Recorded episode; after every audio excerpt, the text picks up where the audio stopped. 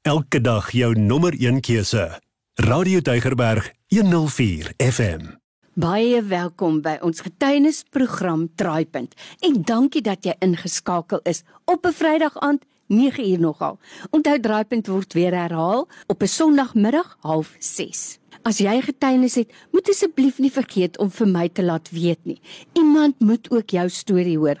SMS my die woord draaipunt na 32716. Dit kos R1 of 'n WhatsApp 0824104104. Van die grootste traumas wat 'n mens kan belewe, is die dood van 'n geliefde, byvoorbeeld die dood van 'n kind, die dood van 'n eggenoot, dan egskeiding, om jou werk te verloor, om te trek en om met 'n ernstige siekte gediagnoseer te word. Nou my gas in die ateljee vandag het al daardie traumas beleef. En as jy na haar kyk vandag sal jy sien sy's vol moed en vol hoop en dan wonder jy dalk hoe kry sy dit reg? En sy is die eerste persoon wat vir jou sal sê wat my dra is die wete dat ek my kind weer in die hemel gaan sien. Wat 'n vreugdevolle gedagte is dit nie? En dan is sy ook die eerste persoon wat vir jou sê hierdie geweldige trauma wat ek moes beleef, weet ek, gebruik die Here sodat ek ander mense wat in dieselfde situasie is, weer kan bemoedig. God will turn my test into a testimony. En dan natuurlik kan 'n mens nie alleen deur so 'n trauma gaan nie. So baie dankie vir Alida Senekal en Susan Geldenhuys wat waarlik waar steunpilare was. Sonder goeie vriende kan 'n mens nie deur so trauma alleen gaan nie. Ons het gesê ons gaan vandag gesels oor haar pad van genesing. Nou ek gaan veral met die vraag om net vir ons kortliks gou terug te vat na verlede week toe, maar ek wil ook vir jou herinner. Draaipunt is op ons potgooi, so jy kan eers die eerste deel gaan luister as jy wil en dan sluit jy vandag weer by ons aan. So almal baie welkom weer. So lekker om jou hier te hê. Dankie Lorraine, dis lekker om hier te wees. Dankie. 2005 was vir jou 'n nagmerrie jaar. En jy het verlede week vir ons vertel van jou seun se stryd met depressie, hoe hy weggedraai het van God af, maar deur die Here se genade teruggekom het na God, toe hom laat groot doop het en 'n diep geloofspad met die Here gestap het. Maar kort daarna word jy gediagnoseer met 'n ongeneeslike breingewas. Kom ons stel dit daarop want dit was ook nie die einde van jou ellende nie.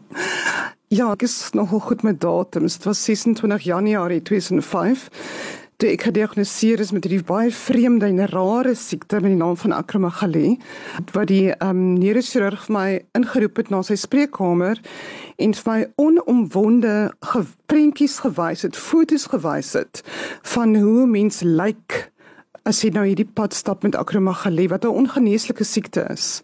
Want al jou kraakbeen in jou liggaam word groter. Jou ore raak soos reusagtige groot ore, jou neus groei groot en lank soos Pinocchio en jou kaak groei verskriklik vorentoe en dan sal jou jou hande en jou voete word groter en groter en groter. Jy raak jy gaan jy lyk soos 'n monster. En dit sê ook vir my en dis nie al nie te sê vir my um al jou organe in jou liggaam gaan stelselmatig groter en groter word en onder andere jou hart en het vir my gesê jy sal ek het nooit sy woorde vergeet nie jy sal sterf aan 'n hartaanval. Dit was sy woorde. Ek het ek het regtig net gevoel ek weet nie dit was dit was baie om in te neem op daai een oomblik maar ek het net gevoel dit kan nie wees nie dit kan nie met my gebeur nie. Ek het so gevoel. En weet jy wat jy ry nie jy gaan nie vir my glo nie my ouers op daai stadium is in die ouer huis. Ek het dit nie vir hulle vertel nie want ek wou nie mm. ek kon nie vir hulle daai pyn gee nie. Mm. Um ek het 'n maand gewag voor ek dit vir my beste vriendinne vertel het. Die volgende maand, 14 Februarie, op Valentynsdag, is ek toe nou opgeneem in Durban Hospitaal want die neurochirurg het gesê hy kan probeer om vir my gedeelte uit te sny. Hy het my voor die tyd gewaarsku.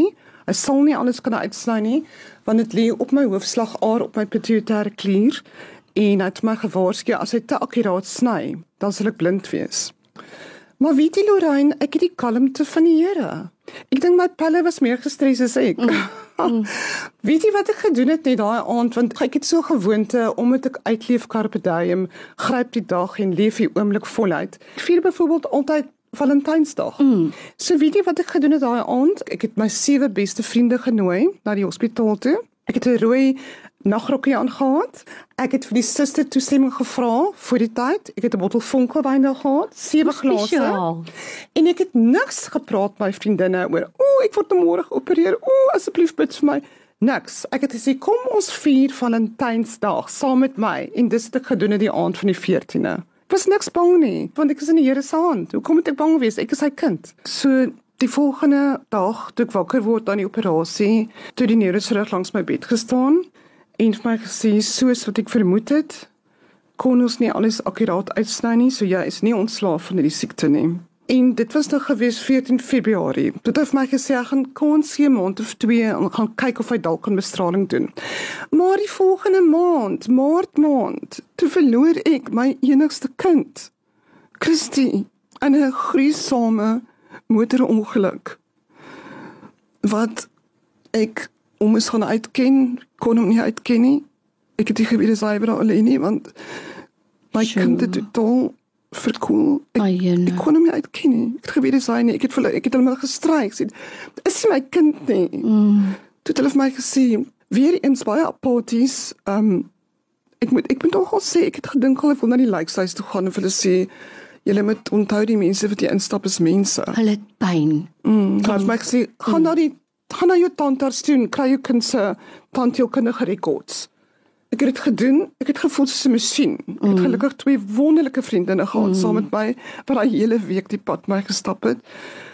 En ehm um, tandarts toe, ek het daar ingestap soos 'n masjien en gesê gee my kind se tandheelkundige rekords. Hulle het my gesê, "Hoekom?" Ek sê my kind was in 'n ongeluk.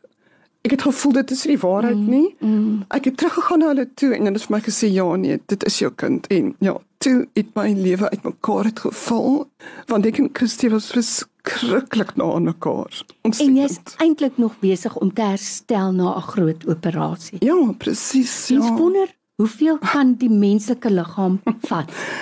Ja, dit is so nê, nee. maar die Here gee my soveel krag. Amen. En nou rein wat die ergste is, ehm um, my kind was vir 4 dae weg. Die polisie of niemand het my laat weet nie.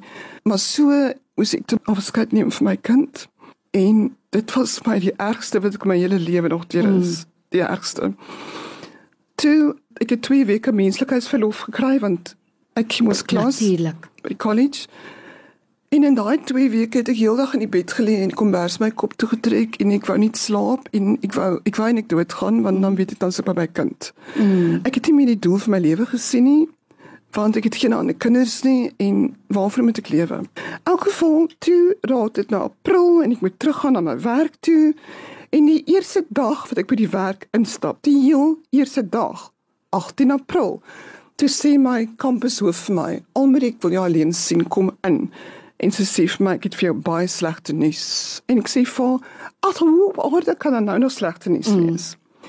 Sy sê vir my, "Almarie, weet jy ou mense sê mos dinge kom in drie." Sy spel dit right. Ek kan dit nie glo nie. Sy sê vir my, kan dit nie glo. Eers was dit jou brein gewas in operasie en toe jy jou kind verloor en vandag moet ek vir jou sê dat vanaf Julie maand gaan jy nie meer by ons werk hê nie. Weet jy wat? 'n Mens het nie woorde nie. Jy staan net stom. Ek was verstom en weet jy wat ek toe gedoen het? Nee, ek, het my hande so in die lug gegooi. Op hierdie stadium het ek soveel pyn. Ek weet nie eens wat my naam is nie. Mm. Maar ek het my hande in die lug gegooi en voelsien, maar weet jy wat? God God sal my deurdra en ek het omgedra en ek het uitgeloop. En dis juist wat ons nou vandag met ons luisteraars deel, 'n pad van oorwinning. Die rede kom my werk verloor het van die luisteraars mag dalk wonder. Hmm. Toe ek vir die tweede keer getroud is en in die plaas getrek het, toe ek die pakket by die onderwys geneem. Hmm. Want wie wie dink nou jy skryf vir die tweede Natuurlijk. keer? Natuurlik. En op daai stadium was daar 'n wetgewing by die onderwys dat as jy in 1996 die pakket geneem het, dan mag jy nie weer op die onderwys salarisrol kom nie. En my kampushoof het vir my daai dag gesê, hierdie meneer Siango het jou naam nou opgetel en jy moet onmiddellik vanaf Julie maand het jy nie meer werk. So dis 'n tegniese Ja, tegniese punt, punt. kom my werk verloor het. Almal die jou pad van genesing. So my maand het ek toe gegaan vir bestraling. 5 dae elke dag vir bestraling op my kop. En ehm um, ja, baie van die dokters het voor die tyd vir my gesê jy sal nooit jou hare verloor nie want jou hare verloor die mens net deur chemoterapie. En natuurlik verloor jy nie jou hare as jy bestraling kry op jou knie of jou rug of jou bors nie, maar as jy op jou kop kry dan verloor jy wel jou hare. Maar op daai stadium was dit eintlik vir my niks, dit was die laaste ding op die aarde mm. vir my, want vir my was dit my hart was stikkend op my kind mm. en ek onthou toe wanneer ek al geleed met die bestraling het geleen huil. En daai susters was wonderlik geweest, mm. was by Wynberg. Dan kom na my se mevroutjie die bestraling is nie so erg nie hoor. Dan sê ek nee, Julle ek huil oor my kind wat ek verloor het. Ek huil oor my kind. Tjoe. Ja, dis um Junie maand. Ek het nie eers die krag gehad om te soek vir 'n werk nie want ek was in 'n gat. Mm. Ek het nie die energie gehad om 'n pen op te tel nie. Mm. En hier was hier was die eerste groot wonderwerk wat betref my werk. Groot wonderwerk. Ek het ook vir my ouers gesê ek my werk verloor. Mm. Ek wou nie vir laai pyn mm. gee nie. Baie van my vriendinne het my gesê, "Kyk gou in die koerant, daar's 'n gasvrou by wynplaas of wat ook al." Ek het net nie die krag gehad nie. Mm. Toe bel een van my groot vriendinne vir my, Muriel wat by Northern College werk. En sy sê vir my Almarie, daar's pos oop vir kommunikasie met onmiddellik die persoon bel. En ek bel vir Annelie Kuleman en ek stap daar in.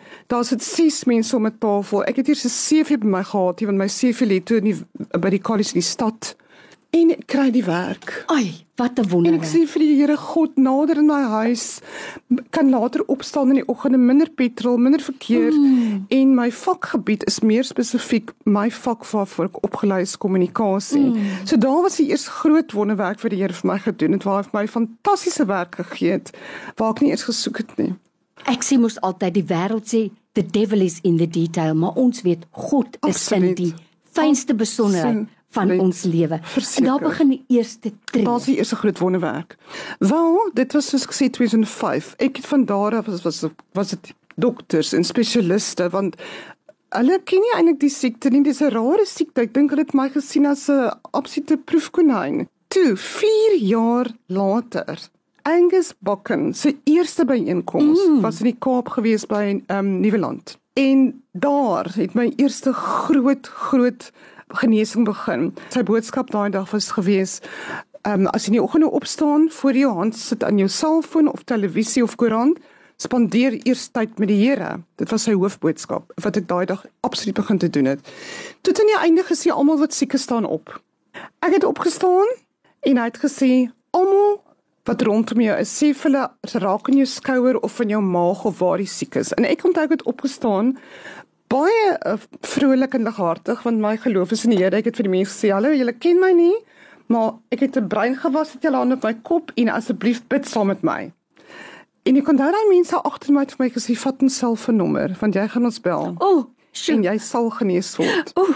En ek het net geglo, ek het vasgeklou in God en ek het net geglo, God, ek gaan nie hierdie diagnose en prognose vat van die dokters nie mm. want u die laaste sê. Amen. Nie die dokters nie. Amen. En ek het net onverskrokke vasgehou aan God. En van daar af Lorraine elke 6 maande as ek moes gaan vir my toetse het my tellings afgekom afgekom en afgekom.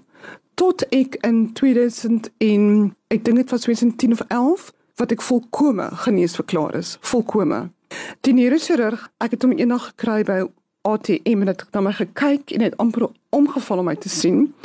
Toe sê vir my, "Almarie, hoe gaan dit met jou?" Dis ek, "Nee, dit gaan fantasties. Ek is gesond." En sy sy oë het amper uit sy kop gepop. Toe sê ek vir my, "God het my genees." Alle eer aan God. Ek is genees van 'n ongeneeslike siekte. O, ek moet ook sê ek was daar naby restaurant. Ek moet gereeld na hom toe gaan. Mm. En dan sê ek altyd vir my, ag, moenie vir my toets nie. Die Here doen 'n volkomme werk. Jy hoef nie vir my te toets. Die Here het my genees. Dit het ook vir my eendag gesê ek wou dit nooit vir jou sien nie. Jou hart was verskriklik vergroot, maar jou hart is nou weer normaal. Jou grootte van jou hart is weer normaal.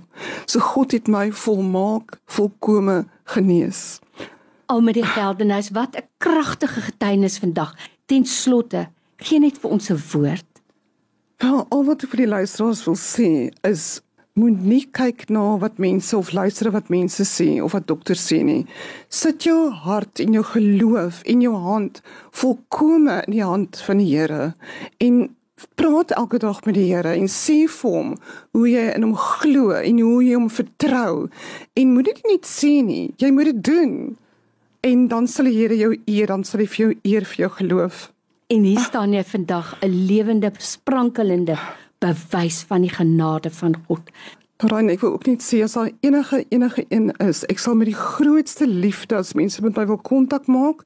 Ek het die afgelope 2 jaar al, al in twee kerke gepraat oor die getuienis.